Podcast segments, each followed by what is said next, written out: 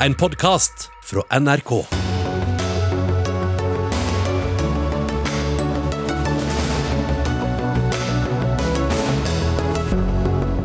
Skal psykologer og psykiatere få en ny sjanse hvis de før har misbrukt pasientene sine seksuelt? Nei, mener Frp, men helseministeren er ikke like bastant. Da politikere feiret gjenåpningen av Oslo, reagerte kommentatoren i Nordlys. Nå forventer han at de også tar en pub-til-pub-tur til Hammerfest og Trondheim når de åpner der. Canada tar et nytt oppgjør med fortida. Levninger av 215 barn fra urbefolkningen er funnet i nærheten av en kostskole. Og dronning Sonja bygger opp makt på kunstfeltet ved å starte eget galleri, og det er problematisk, mener Aftenpostens kommentator. Det er veldig bra at dronningen løfter fram norsk grafisk kunst, svarer organisasjonen Norske Grafikere. Og Det er bare noen av sakene i denne Dagsnytt 18. Mitt navn er Sigrid Solund, og vi starter sendinga i Ila fengsel, der den drapsdømte Viggo Kristiansen skal slippes ut. Reporter Runar Henriksen Jørstad, hva er det siste fra Ila, der hvor du befinner deg? Forsvareren til Viggo Kristiansen kom for få minutter siden ut porten her på Ila og fortalte til pressen at han har vært inne i fengselet og møtt Viggo Kristiansen, og fortalt han at han eh, nå vil bli en fri mann, trolig i løpet av eh, få timer. Han beskrev det som et sterkt møte, og at Kristiansen eh, var svært glad. Han har jo sittet fengslet i 21 år, halve livet sitt. Vi har også vært i kontakt med Kristiansens familie. De sier de er eh, glad, det kommer til å bli tøft for han å slippe ut, sier de. Men de håper dette vil gå bra. Og faren skal nå komme til eh, Ila, eller i hvert fall eh, mot Oslo, og, og hente sønnen hjem. Og vet vi hvor de skal?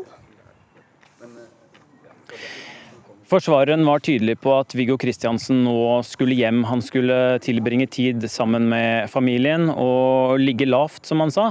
Han har visst forståelse for at eh, dette er tøft for eh, etterlatte, og at eh, mange har sterke syn på denne saken. Mange ønsker også at Kristiansen skulle tilbringe flere år i fengsel. Han vil derfor tilbringe tid med familien hjemme og på hytter som familien disponerer, sier forsvareren. Og så vil han bruke tid på å vende tilbake tilbake til samfunnet. Takk skal du ha, Runar Henriksen Jørstad, som følger saken videre. Dere kan også lese mer på nrk.no.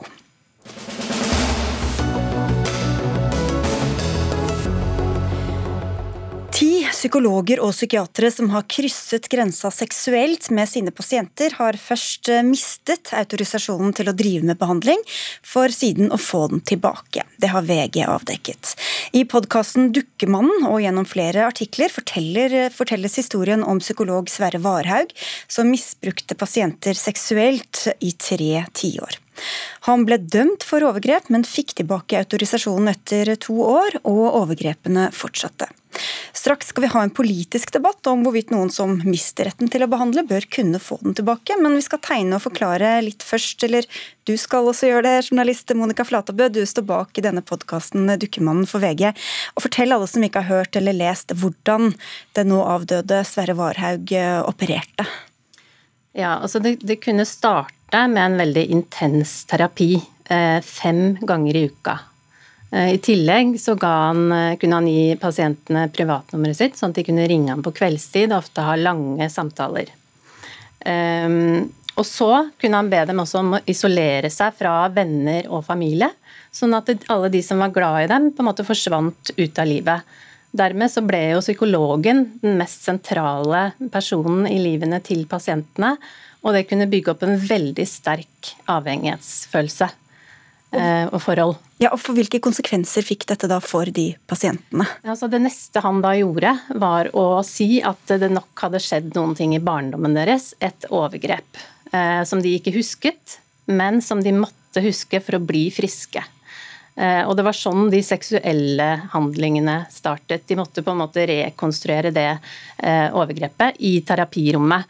Og alternativet til å ikke huske disse minnene, det var liksom et eh, liv med evig smerte. Så for disse pasientene så handlet dette om liv eller død, rett og slett. Lars Weiseth, du er professor emeritus og psykoanalytiker og kjenner denne saken godt egentlig fra, fra flere sider. Um, og du har også behandlet folk som har mistet autorisasjonen sin. Dette er jo en veldig spesiell sak, men hvor enestående er det at behandlere utnytter makt? Denne saken eh, tror jeg internasjonalt også er enestående. Men um, som vi hører her, så er det jo tall i Norge også på at uh, det er et antall som uh, krysser grenser da, for det som er akseptabel eh, oppførsel i en eh, behandler-pasient-relasjon. Og Hvordan går de fram for å få med seg pasientene? Du vet, Ofte så eh, vil jo en kvinnelig pasient utvikle positive følelser overfor sin mannlige behandler. Det er det vi kaller overføring. Men den tilliten og den idealiseringen som ofte skjer, og det, det kan nok være at eh, man av og til må eh, fortelle pasienten direkte at man kan ikke ha noen kontakt utenom behandlingsrommet. Og en del pasienter kan nok føle at det faktisk er litt sårt. Men en profesjonalitet nødvendiggjør det. Mm. Er det noen kjennetegn ved de pasientene som utsettes for sånn type seksuelle overgrep? Altså, I denne saken så er det jo unge, kjekke menn. Eh, oppegående, plussvarianter vil jeg si, eh, velutdannede. Eh, og med veldig høy tillit til samfunnet, til helsevesenet f.eks. Og de startet jo på et tidspunkt hvor psykologen var en del av det offentlige helsevesen. Ja, for dette er jo det stridens kjerne her hos oss i kveld, nemlig dette regelverket. Eh, I dette tilfellet fikk han jo da eh, autorisasjonen tilbake, selv etter å ha blitt dømt. Hvordan er det mulig, Flatabø? Nei, altså Sverre Varhaug han ble dømt i 1980 første gang. Da ble han fradømt autorisasjonen i to år. Og så var han tilbake i enerom med sårbare pasienter. Eh, og det er jo ikke Det ser vi i dag òg, at det kan skje. Og Hva skal til for å bli fratatt autorisasjonen, Weseth? Eh, ja, Det er jo det at du må ha begått en grov feil. da. I dette tilfellet så gjelder det uakseptabel seksuell relasjon til pasienten. Varøv illustrerer et spesielt problem, og det er at etter at han to ganger hadde mistet sin autorisasjon, så kunne han fortsette som rådgiver og det er et problem i dag.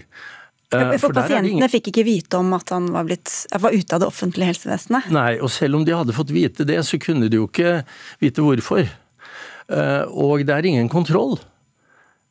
For da gjelder ikke helsepersonelloven. Eh, og eh, det var på det grunnlaget han da kunne fortsette år etter år, altså med sin tidligere behandling. Men når, når, mener du, eller ved hvilke tilfeller mener du at man bør fratas den offentlige autorisasjonen da, for, eh, for bestandig? Ja, eh, det for bestandig? Ja, det er jo særlig hvis eh, det er godt dokumentert at det har skjedd, og at vedkommende nekter å erkjenne hvilken grov feil han eller hun har begått. Da syns jeg ikke man skal kunne Eh, møte pasienter alene.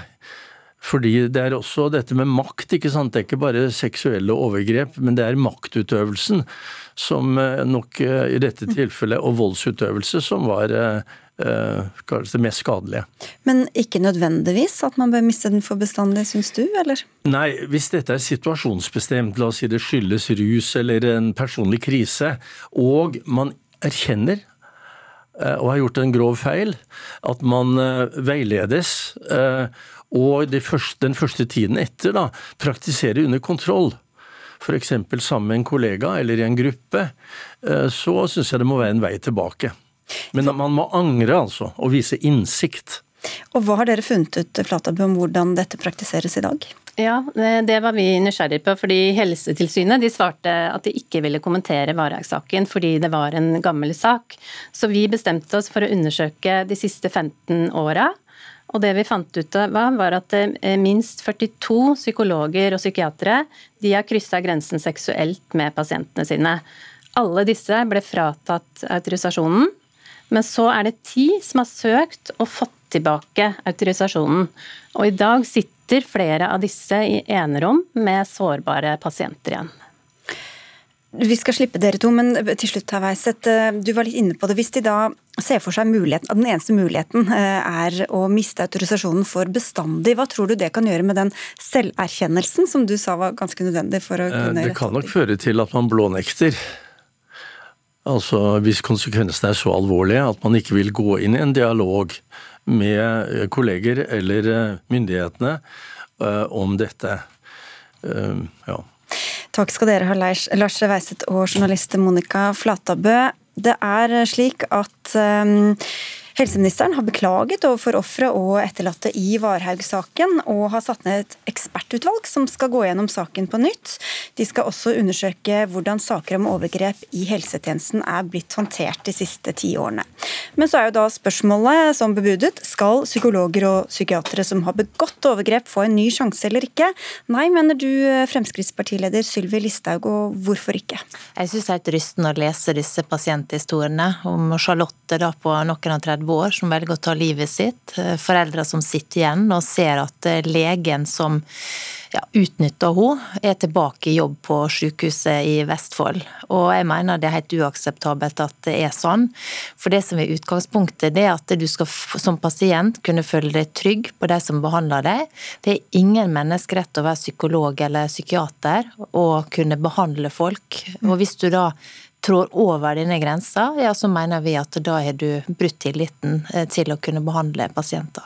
Men så hørte vi også at det kunne være ganske situasjonsbestemt, og at eh, man kanskje bare trår over grensa én gang. Hvordan skal dette da fungere på en rettferdig måte når sakene er såpass ulike? Ja, nå er Det jo sånn at det, det å frata folk autorisasjon det skjer ganske sjelden, i hvert fall på dette grunnlaget. VG gikk jo gjennom dette, her, og det var 42 saker på 15 år. og Det jo, må jo være sannsynlighetsovervekt eh, for at du skal miste eh, autorisasjonen. Eh, så Sånn sett så er jo dette her saker da som, eh, som, må ha en dokumentasjon for at det skal gå så langt at du mister autorisasjonen. Og Da mener vi at når du har kommet dit, ja, så har du på mange måter valgt da å, å si farvel til det yrket som du har hatt. Og Det vil jo også da kunne gjøre at en del kanskje legger bånd på seg, som ellers kunne ja, vært i en posisjon der de ville utnytte pasient. At det virker avskrekkende, tenker du på? Ja, det er klart. Det kan det gjøre. Mm. Helse- og omsorgsminister Bent Høie, du er ikke like kategorisk. Hva er det som taler for at man skal eventuelt få kunne få flere sjanser, da? For det første så er jo hovedregelen at en skal miste autorisasjon, og det er jo også tilfellet i dag. Men jeg føler meg ikke trygg på at dagens system og regelverk er godt nok for å beskytte pasienten. og Det er jo derfor vi har nedsatt nå dette ekspertutvalget som skal komme til råd. Men da, så mener jeg at det er for tidlig nå da hoppe på den konklusjonen at en uansett aldri skal få autorisasjon tilbake igjen. Nettopp fordi at det kan være situasjoner eh, som er, gjør at dette er noe som bare åpenbart skjer én gang, og at en viser òg at dette er noe som det er veldig liten sannsynlighet skal skje eh, igjen. Og da eh, er det jo sånn at eh, hvis, hvis en eh, gjør en sånn endring og sier at en uansett, hvis en eh, er i en sånn situasjon, så skal miste autorisasjon for, for resten av livet, så er jeg òg bekymra for at da blir terskelen høyere for å miste autorisasjonen. For rett og slett fordi at en da vil kreve på en måte en større eh, tyngde i sakene og større bevistyngde. Da kan altså få det sitter lenger inne og frata noen eh, Fordi reaksjonen blir så alvorlig. og Det betyr at òg nettopp kan du oppnå det motsatte, nemlig personer som burde ha fått en rask reaksjon, mista autorisasjonen, blir værende, og at det eventuelt da skjer nye overgrep før en mister autorisasjon.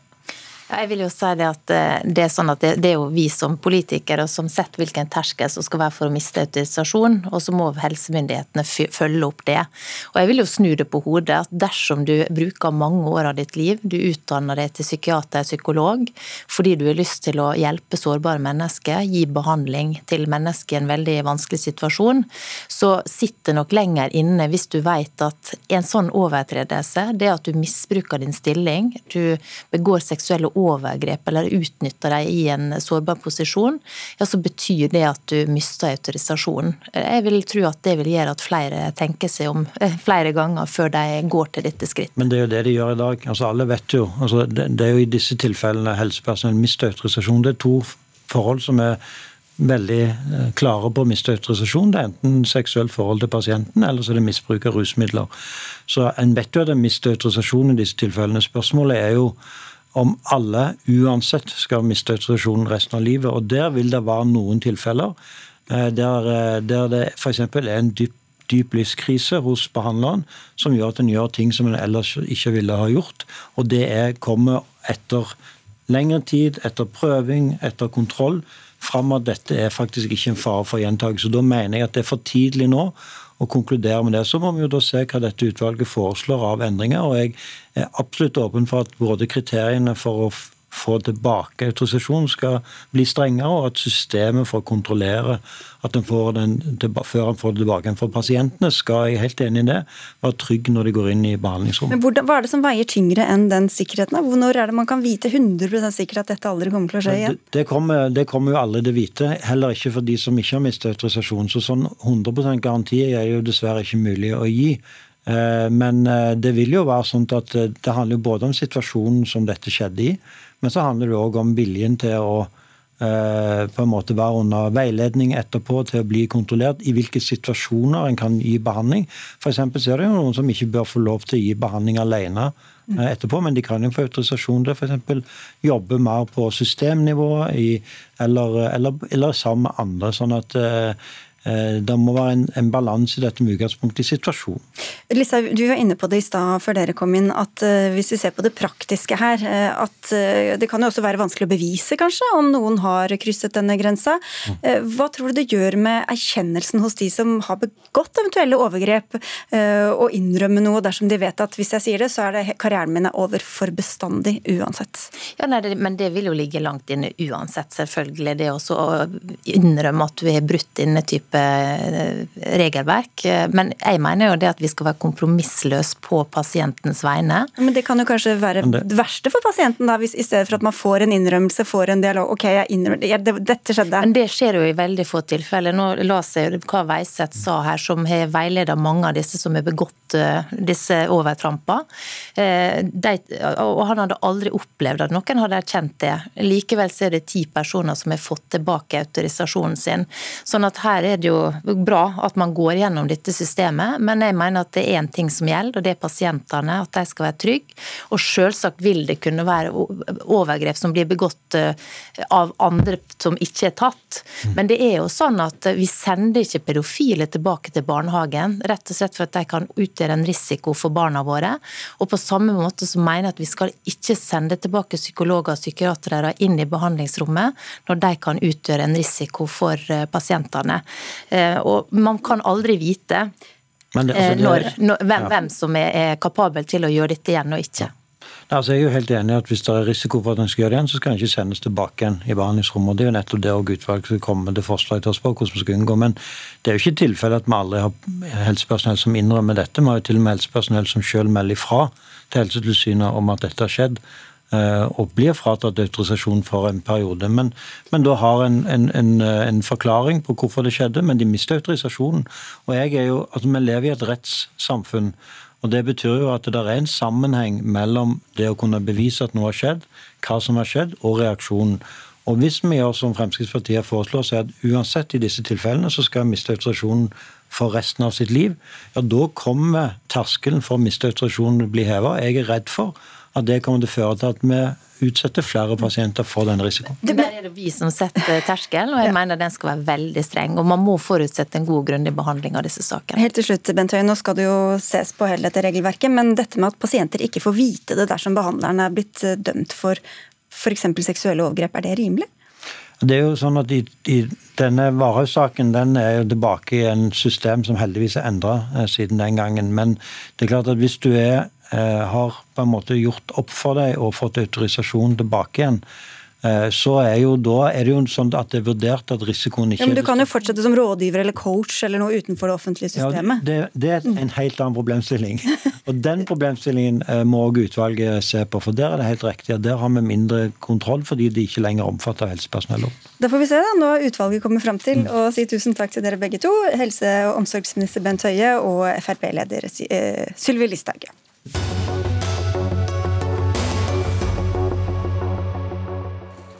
Bilder av skummende pils, bobler i stettglass og lykkelig skåling har eh, de siste dagene preget sosiale medier for alle som bor i Oslo, eller kjenner noen som holder til i byen.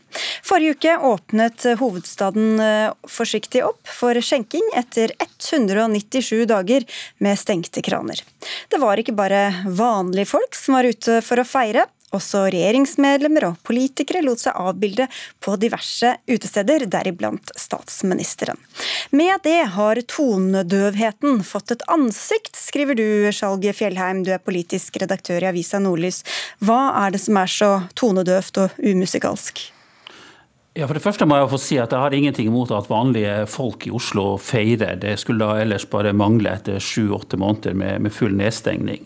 Det jeg kritiserer, det er det politiske lederskap og den politiske kommunikasjonen fra eh, regjeringa. Altså, bakteppet her er jo en regjering som har beslutta å skjevfordele vaksiner, og deretter feirer med bilder av seg sjøl med, med utepils i Oslo. som som nå altså får eh, vaksiner tilsendt fra resten av Norge de neste ukene.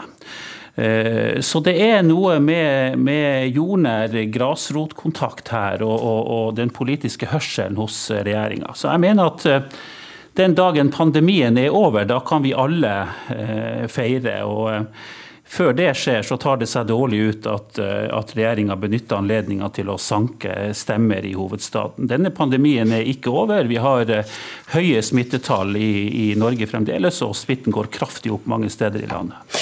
Det er andre som tar Oslo i forsvar, eh, deriblant du Morten Myksvold, du er kommentator i Bergens Tidende. En seier for hele landet med denne gjenåpningen av hovedstaden, skriver du. Hva syns du om måten den ble markert på fra politisk øverste hold?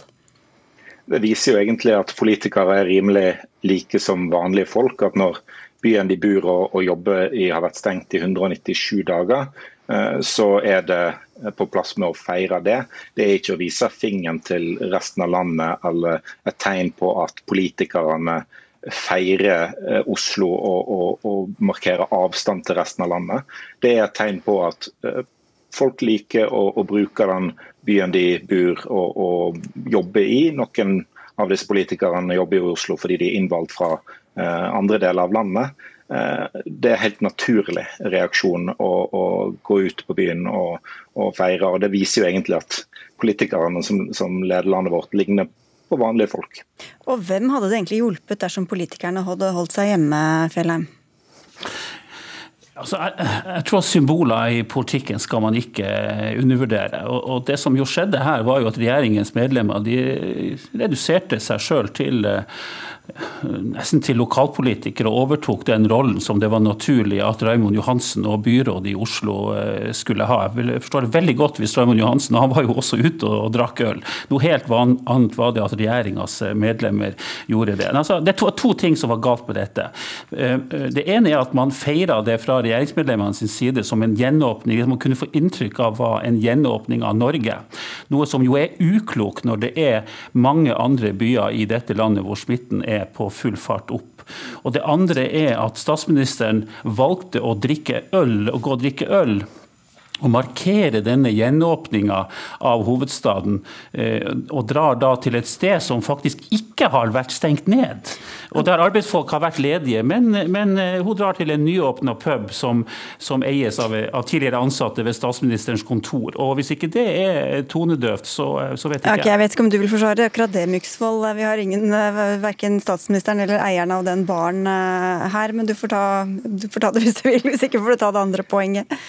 Nei, altså hva plass statsministeren velger å gå på, det, det får hun svare på sjøl. Men jeg, jeg, tenker at det er ikke lurt hvis en er bekymra for tilliten mellom folk og politikere, at en skal lage et eget sett med regler på hvordan politikere skal oppføre seg.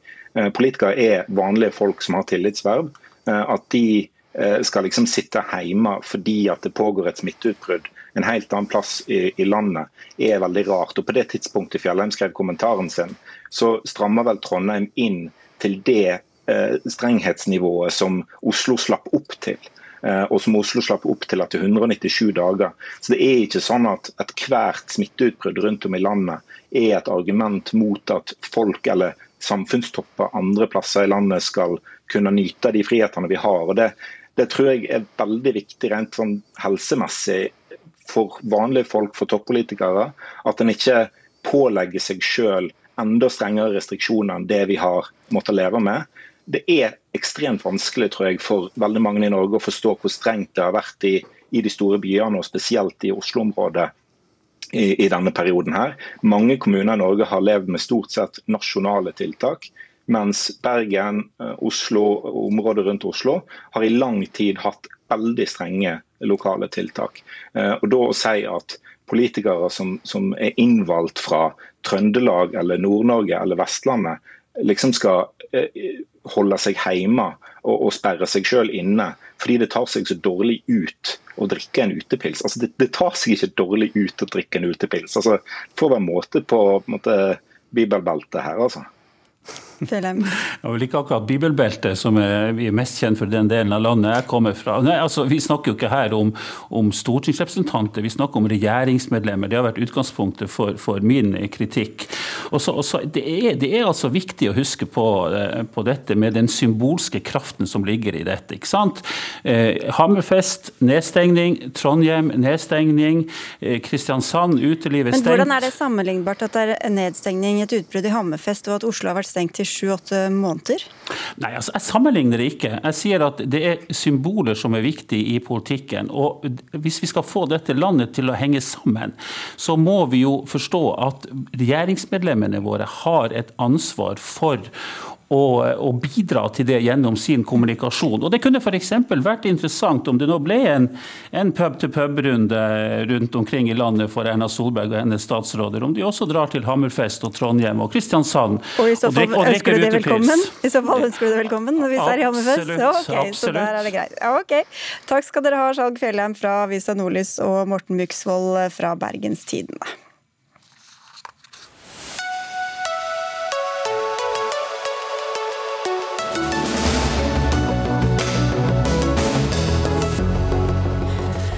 Etter hvert her i Dagsnytt 18 skal vi diskutere en ny og noe omstridt linje ved en eh, norsk folkehøyskole, men før det skal vi til et bekmørkt kapittel i Canadas historie. For få dager siden ble det nemlig funnet levninger av 215 barn i nærheten av den tidligere skolen Kamloops i British Columbia. Kamloops var en kostskole som skulle assimilere landets urbefolkning, altså gjøre den mest mulig lik majoritetsbefolkningen. USA-korrespondent Veronica Westrin, hva vet vi om denne skolen der eh, disse levningene ble funnet? Dette var en eh, skole, en av de største av 139 skoler over hele Canada. Eh, den ble lagt ned for 50 år siden, og det rundt 50 år siden. Og det var altså en katolske kirke som dreiv skolen på oppdrag fra den canadiske regjering. Og hva, Det ble altså funnet levninger av barn helt ned i treårsalderen. Hva vet vi om hvordan de ble behandlet av skolen og da igjen av myndighetene? Dette har jo vært gjenstand for gransking i mange år i Canada. I 2008 bl.a. Eh, så var det en kommisjon, eh, og det har jo blitt konkludert med at eh, på disse skolene så var flere barn gjenstand både for fysisk og verbal mishandling, seksuelt misbruk. Og man har jo da anslått at rundt 6000 barn kan ha dødd på disse skolene, og det var da 150 000 eh, som ble sendt på skolene, eh, altså urbefolkningen, som ble sendt for å assimileres inn i det canadiske samfunnet, eh, hvor de da skulle lære seg språket. De fikk ikke lov til å snakke sitt morsmål, og hvor de ble straffet hvis de brøt disse reglene. Takk skal du ha, Veronica Westrin. Eirik Bracer, du er førsteamanuensis ved Institutt for kultur, religion og samfunnsfag ved Universitetet i Sørøst-Norge. Hvem var, eller hvem er, eh, for det lever jo fortsatt mange der, urbefolkningen i Canada? Ja, eh, den eh, Kanadiske myndigheter de eh, anerkjenner tre ulike urfolksgrupper. og Til sammen så utgjør det ca. 1,4 millioner mennesker i Canada som anser seg selv for å være en del av enten inuittene eller Metis, eh, eller den største gruppen da, som er First Nations, eller førstenasjonen, de som var i Canada først. Eh, og Så vidt jeg forstår, så er, eh, det ble denne skolen da brukt til grupper fra First Nations. Altså det, er liksom barn fra deres grupper da, som har gått på denne skolen. På slutten av 1800-tallet var det franskmennene som dominerte i Canada. Hvordan forsøkte de å assimilere disse urbefolkningsgruppene?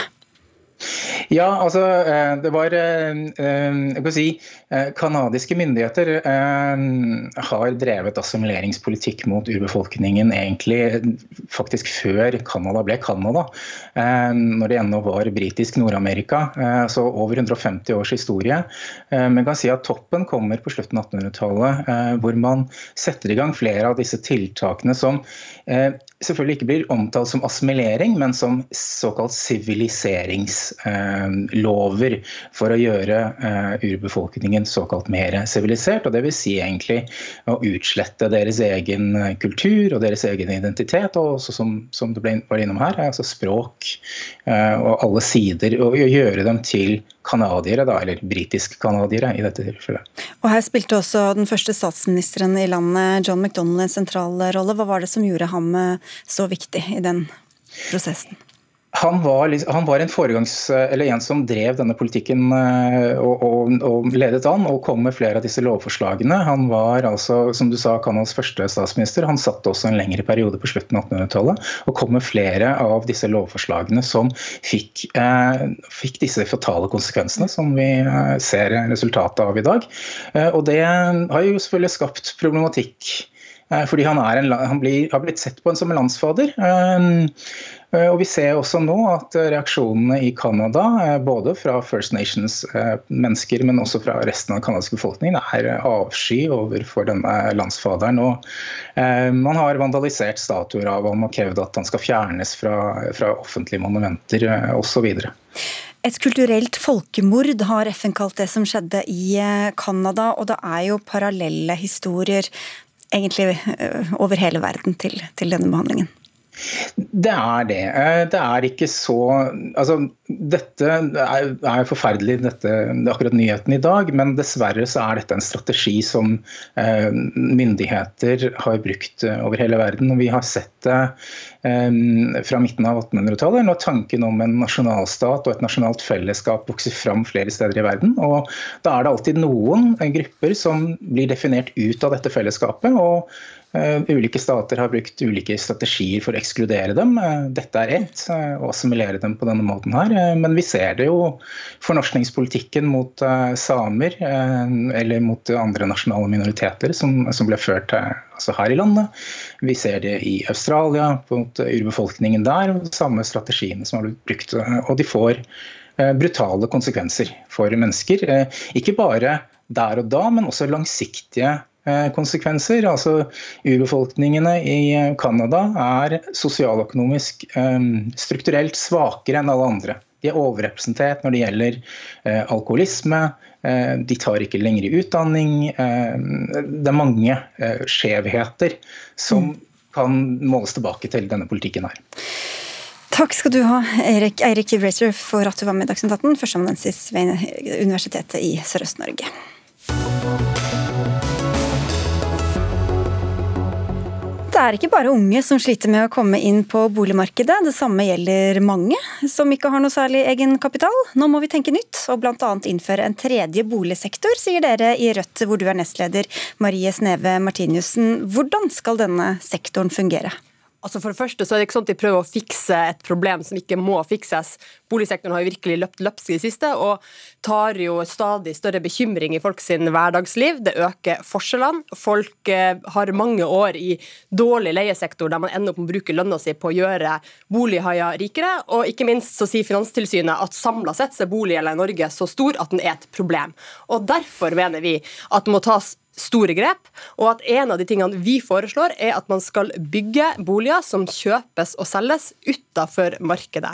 Altså at det er boliger som du godt kan kalle fastprisboliger, hvis vi er enige om at fastpris ikke betyr samme sum i kroner og øre, fordi det reguleres, reguleres med mm. den ordinære prisveksten i samfunnet for øvrig, men ikke den uh, jumboveksten som har vært i boligmarkedet til nå. Men hvem skal drive disse? Er det staten, eller hvem er det som skal kjøpe og selge disse leilighetene? Det som er bra, at i Norge så trenger vi ikke å finne opp hjulet, fordi sånne her sektorer finnes i mange andre land. I Danmark for eksempel, så er 20% av boligene noe som kalles allmennboliger. Noe tilsvarende finnes i Østerrike, i Stockholm, i Nederland. Og det som er et viktig prinsipp, er at det er type et borettslag eller en stiftelse som omsetter de her boligene. Altså ikke at jeg går og selger til deg, så skal vi begge to eh, sørge for at eh, prisen blir det den skal være. Da det er veldig fort at det havner penger under bordet.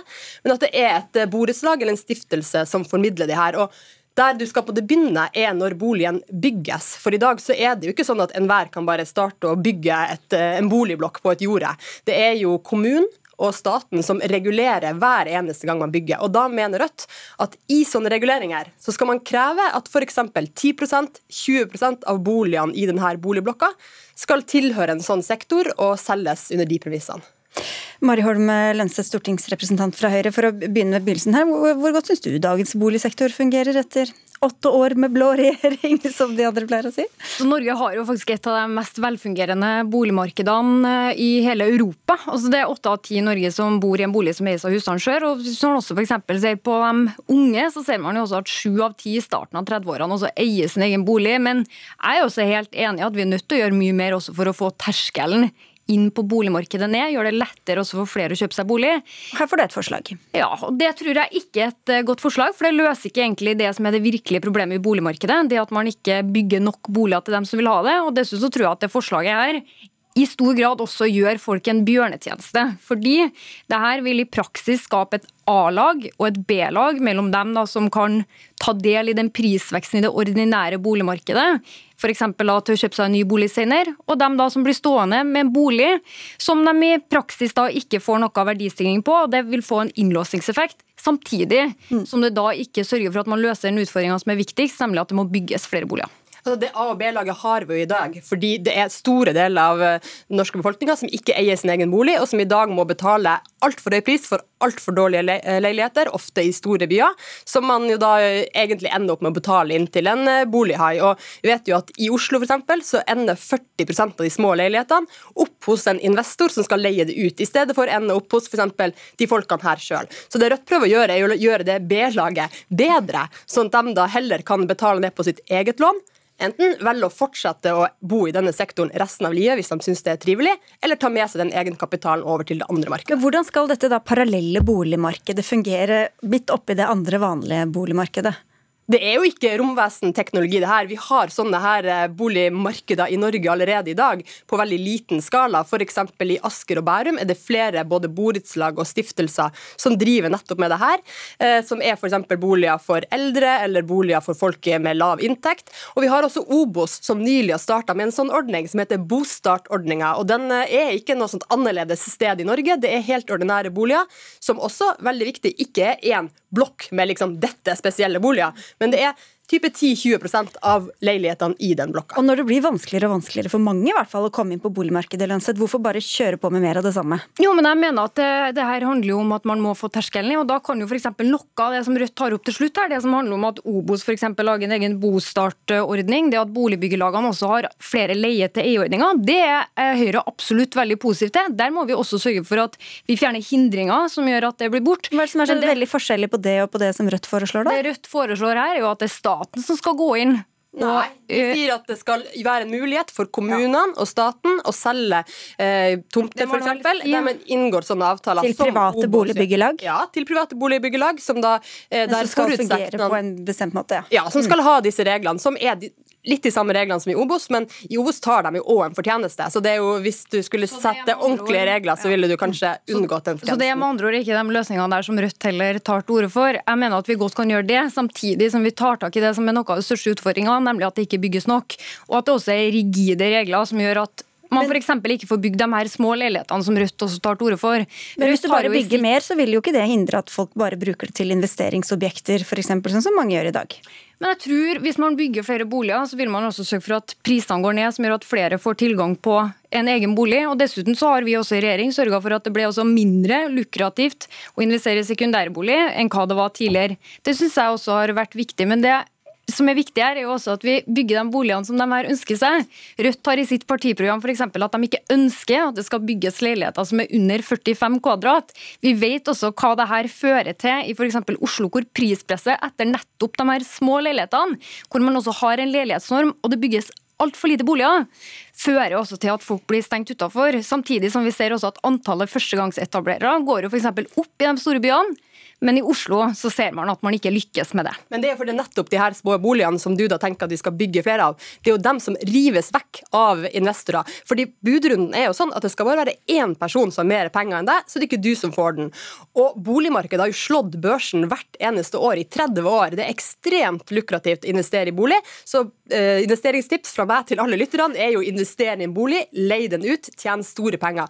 Og det gjør at den sykepleieren eller rørleggeren som skal, står der og skal kjøpe den lille leiligheta i Oslo sentrum, kommer til å tape hver eneste gang. Tror ikke du egentlig mente det tipset? Jo, altså, hvis man skal tenke på sin egen privatøkonomi, er det veldig lurt. Men årsaken til at det blir sånn at de boligene rives bort, det er at det er mange færre av dem sammenlignet med hvor mange det er som ønsker dem. Og hvis man vil gjøre noe med det problemet, så må man fjerne de rigide reguleringene, ikke innføre enda flere, sånn som Rødt tar til orde for. Jeg tror ikke vi får løst denne floken eh, denne gangen heller.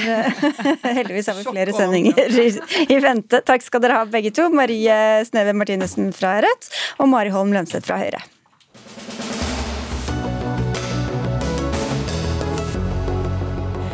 I mange år har eh, dronning Sonja hatt et stort engasjement for billedkunst, og spesielt grafikk. Men i eh, forrige uke ble det også kjent at dronningen starter eget kommersielt salgsgalleri i Oslo. Til NRK sa dronningen at galleriet skal bidra til å bygge opp egenkapital for å øke interessen for billedkunst, og igjen å kunne hjelpe flere kunstnere. Ingen god idé, skriver du i Aftenposten, hvor du er kommentator, Frank Rossavik. Eh, For å sitere teksten din. Dronning Sonja har et problematisk kunstengasjement. Hva er det problematiske? Ja, Det problematiske er jo at hun ikke bare viser interesse for kunst og kjøper kunst og kaster glans over enkelte gallerier og, og kunstnere, um, eh, som kongelige pleier å gjøre, men hun, hun en, hun har bygd opp en betydelig faglig autoritet gjennom eh, den, eh, den eh, kunstprisen som hun har delt ut i over ti år. Og um, som, som ifølge seg selv er den viktigste internasjonale prisen på grafisk kunst. Og så I tillegg så skal hun nå starte et eget galleri for å selge grafisk kunst. Um, og Jeg tenker at det er litt for mye makt på kunstfeltet, som er ganske viktig i Kultur-Norge, på, en, eh, på en dronning eh, i et konstitusjonelt monarki. Hvilke konsekvenser kan det få? Utover det, de som eventuelt får penger fra denne fondet osv. Altså, eh, mitt hovedproblem er at vi er, altså det er et konstitusjonelt monarki. Det betyr at, eh, at eh, de kongelige skal ha representative oppgaver, og de skal ha seremonielle oppgaver, men de skal ikke ha politisk makt. Og Så eh, ser vi da en situasjon hvor, hvor dronningen eh, får gradvis over tid bygge opp en betydelig institusjonalisert eh, makt på et viktig kulturfelt. Um, Det er, et, det er problematisk for uavhengigheten til kunsten. Um, Det gjør at visse typer kunstnere får et, et, et løft av, av dronningen, mens andre ikke får det. Eh, Det betyr at, eh, at kanskje også at andre kunstarter til en viss grad blir påvirka. Karin Augusta Nogva, du er styreleder for fagforeningen Norske Grafikere. Hva synes du om at hun starter dette kommersielle galleriet?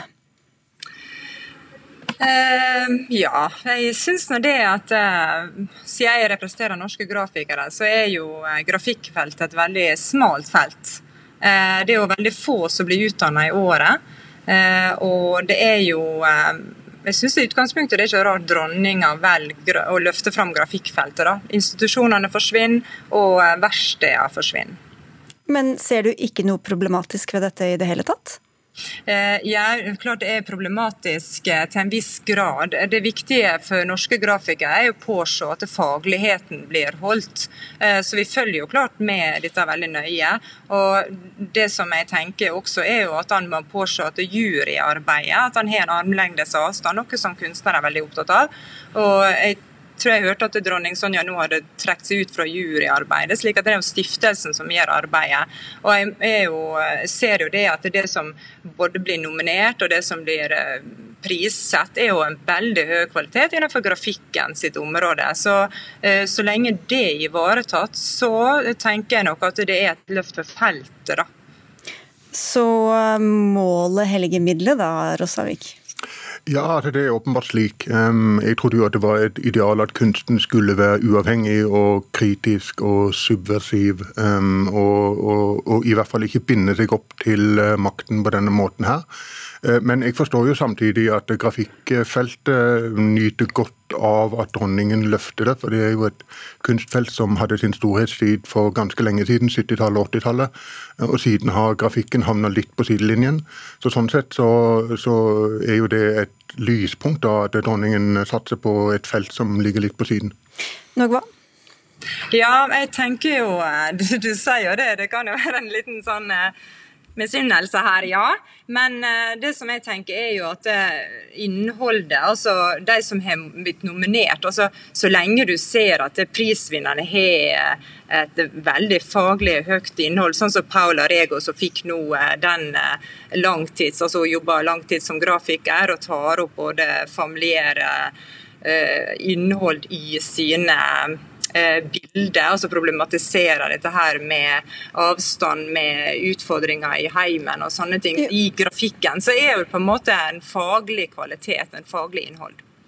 Altså, Det er riktig at eh, det er en, en faglig komité som eh, avgjør den viktigste prisen til Queen Sonja Print Award, men det er jo også andre priser som deles ut. og der, Den deles ut av styret, eller de deles ut av styret hvor, hvor dronningen er styreleder. Og, og, som du skriver, Rossavik, så er det jo også hennes private smak som hun har eh, uttalt seg om, eh, som Rossavik eh, skriver om, Nogva. Hva med alle de som, av dine medlemmer også, som faller utenfor da, det gode selskap pga. kanskje hva dronningen foretrekker og ikke? Um, jeg, jeg, jeg, ser jo det at det som blir ut altså Det som blir nominert, er jo veldig likt det som fagjuryene generelt velger. Sånn Sikiara Phillips er jo den som ble nominert på Hit internasjonal tresnittfestival. Slik at det, det er på en måte ikke noe um, forskjell der, fagmessig. Eh, men når det gjelder våre medlemmer, så er det så klart Vi var jo inne veldig tidlig, noen norske grafikere, og sa fra at vi må jo få være med og nominere. Og Det kunne jo tenkes at vi burde sitte i juryen også, fordi eh, institusjonell makt er jeg kanskje mer bekymra for. at det, eh, institusjonene får for stor makt i den eh, nominasjonen. Jeg skulle gjerne likt å si at eh, dronningen ikke kunne komme, men jeg tror ikke vi har invitert henne engang. Men hva bør hun gjøre, Rossavik? Stenge galleriet? Altså, jeg, jeg, jeg, jeg, tror ikke at dronningen trenger noen råd fra meg. Jeg bare prøver å problematisere noe som, eh, som eh, jeg syns behøver en debatt. Og det har jo vært et veldig tett forhold mellom dronningen og kunstfeltet lenge. Dronningen har jo tidligere fått utstilt fotografier på, på, på Henny Onsdag kunstsenter og på dette fotomuseet i Horten. Eh, og det, har, altså, det virker som om feltet noen ganger har problemer med å sette grenser for dronningen, og det bør det kanskje diskutere om det skal begynne å gjøre. Og Vi fikk tatt diskusjonen også her. Takk skal dere ha begge to. Frank Rossavik fra Aftenposten og Karin Augusta Nogva fra Norske Grafikere.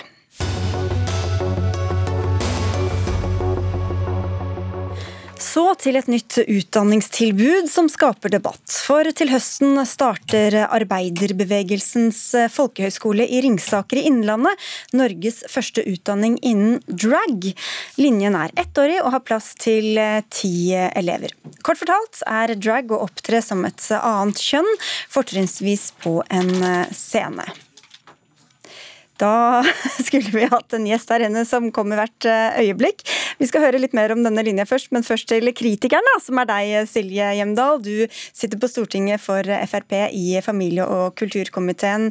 Tullete, har du sagt. Hva er det som er så tullete med denne linja? Nei, altså jeg har ingenting å si på linjen. Folk må få lov å, å eh, holdt på å si, gå på hvilke kurs eh, de eventuelt vil, eller dyrke sine hobbyer eller fritidssysler. Det jeg har satt et stort spørsmålstegn med, er om dette er noe skattebetalerne skal være med å finansiere. Og det syns jeg er en debatt vi må eventuelt eh, etter hvert tørre å ta i Norge. Det er faktisk hva skattepengene eh, og, og staten skal bruke penger på. Vi kan høre litt mer om denne linja. Jens Martin Hertvedt eh, Arvesen, du er selv dragartist og selv lærer ved denne linja. Hvorfor har du tatt initiativet til en drag-linje? Jeg savnet eh, infrastruktur i dragfeltet, og jeg ønsker å skape arbeidsplasser for praktiserende dragartister som ønsker å undervise, og jeg ønsker å skape et eh, startsted for eh, folk som ønsker å begynne. Og Hvordan er interessen så langt?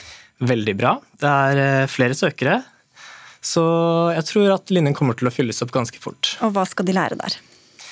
Vi kommer til å lære om performancekunst, performance-kunst og utøve kunsten sin på scenen, stå på scenen, gjøre dragshow. Eh, og så kommer de til å lære litt om historien, norsk historie og internasjonal draghistorie. Også litt sånn tankekrumspring. Hva er egentlig drag? Eh, hvordan er det man kan forstå drag, utvide begrepet, slike ting. Og så til slutt så vil man jo lære å sy og kle seg ut og ta på seg parykk og sminke seg og sånt. da. Espen Ester Pirelli Benestad, du er lege og sexolog og har uttalt at det er en god idé med denne linja. Hvorfor er det riktig å, å tilby offentlig da, på en folkehøyskole en sånn eh, drag-linje? Det er jo en teaterlinje. Eh, først og fremst. Eh, her skal vi ha kostymer, her skal vi sy kostymer, her skal vi ikle oss kostymer, her skal vi sminke, her skal vi lage kulisser. Her skal vi opptre. Slik at Dette er jo helt på linje med alt annet teater, med den lille forskjellen at det er litt smalere i, i og med at det er drag. Men å løfte denne kunstarten frem, og gjøre den på en måte som en del av, av det som er Norge, og som er like selvfølgelig skattebetaler-betalt som en rekke andre ting vi kunne diskutere, det synes jeg er kjempeflott. Og det gjør Norge rikere, og det gjør kulturen morsommere. Hjemdal?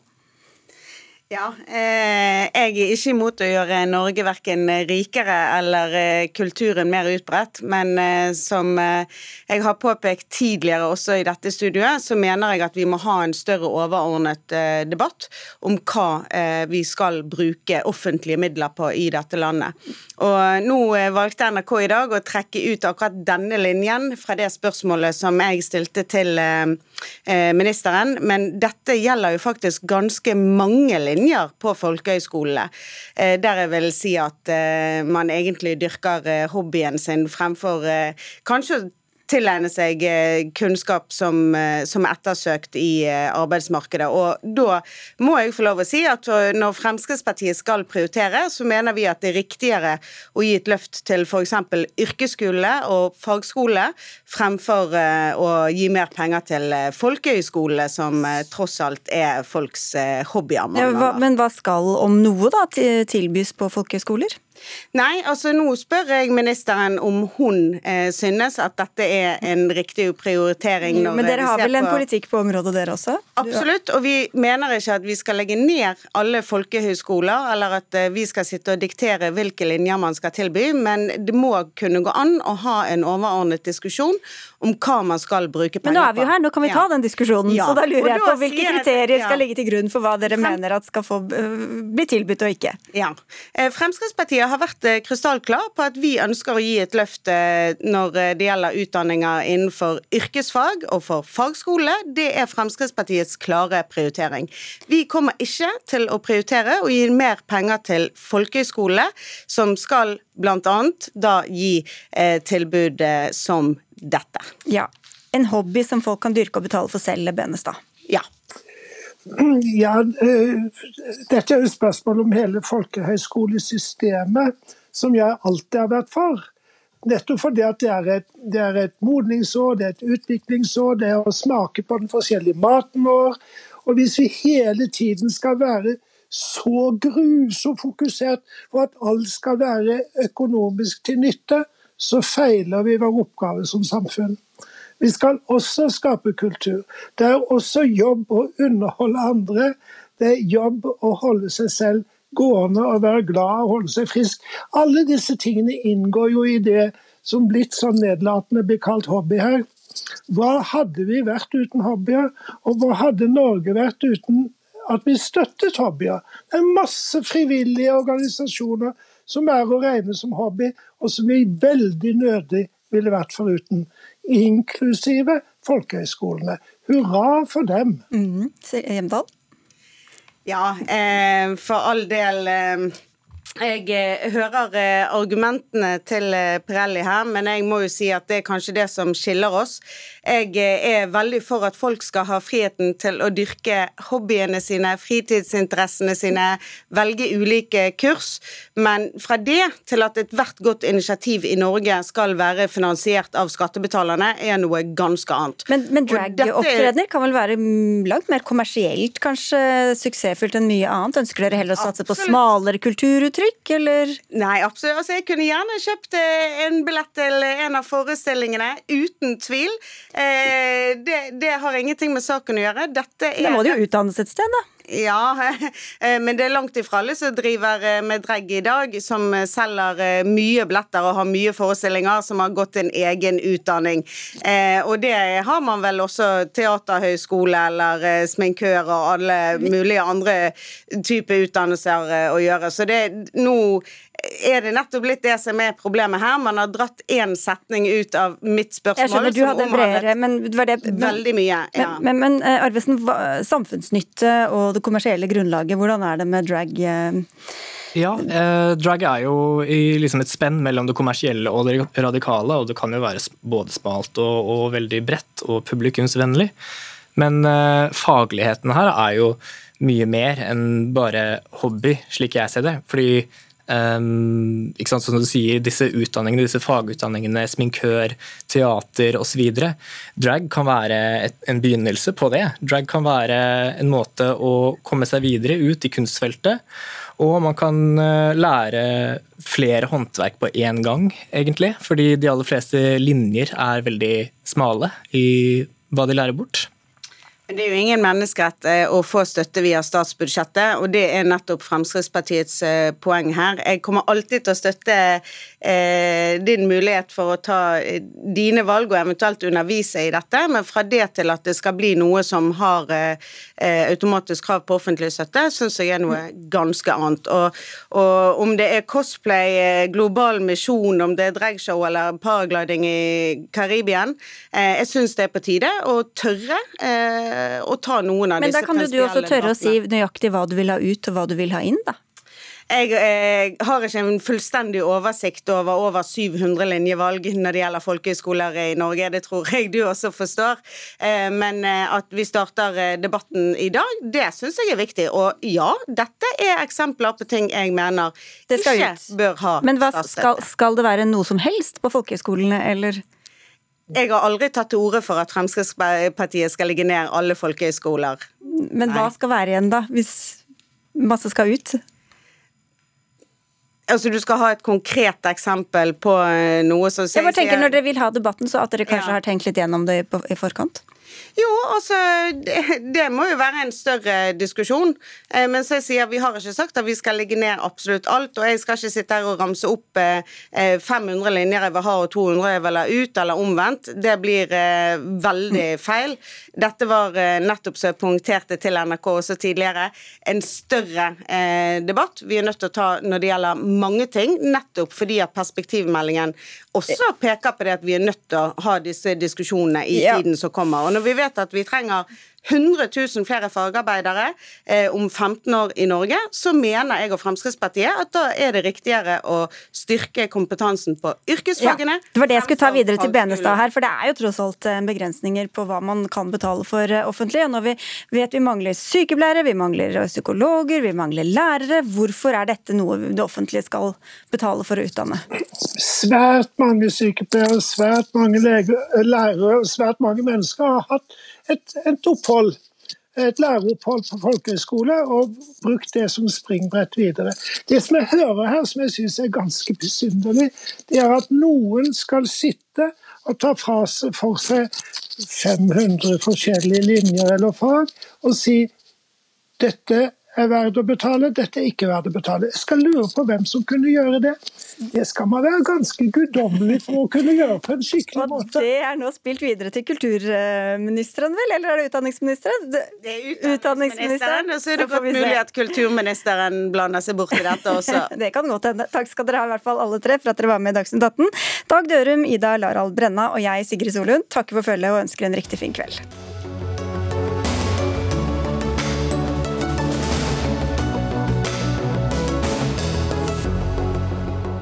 Du har hørt en podkast fra NRK.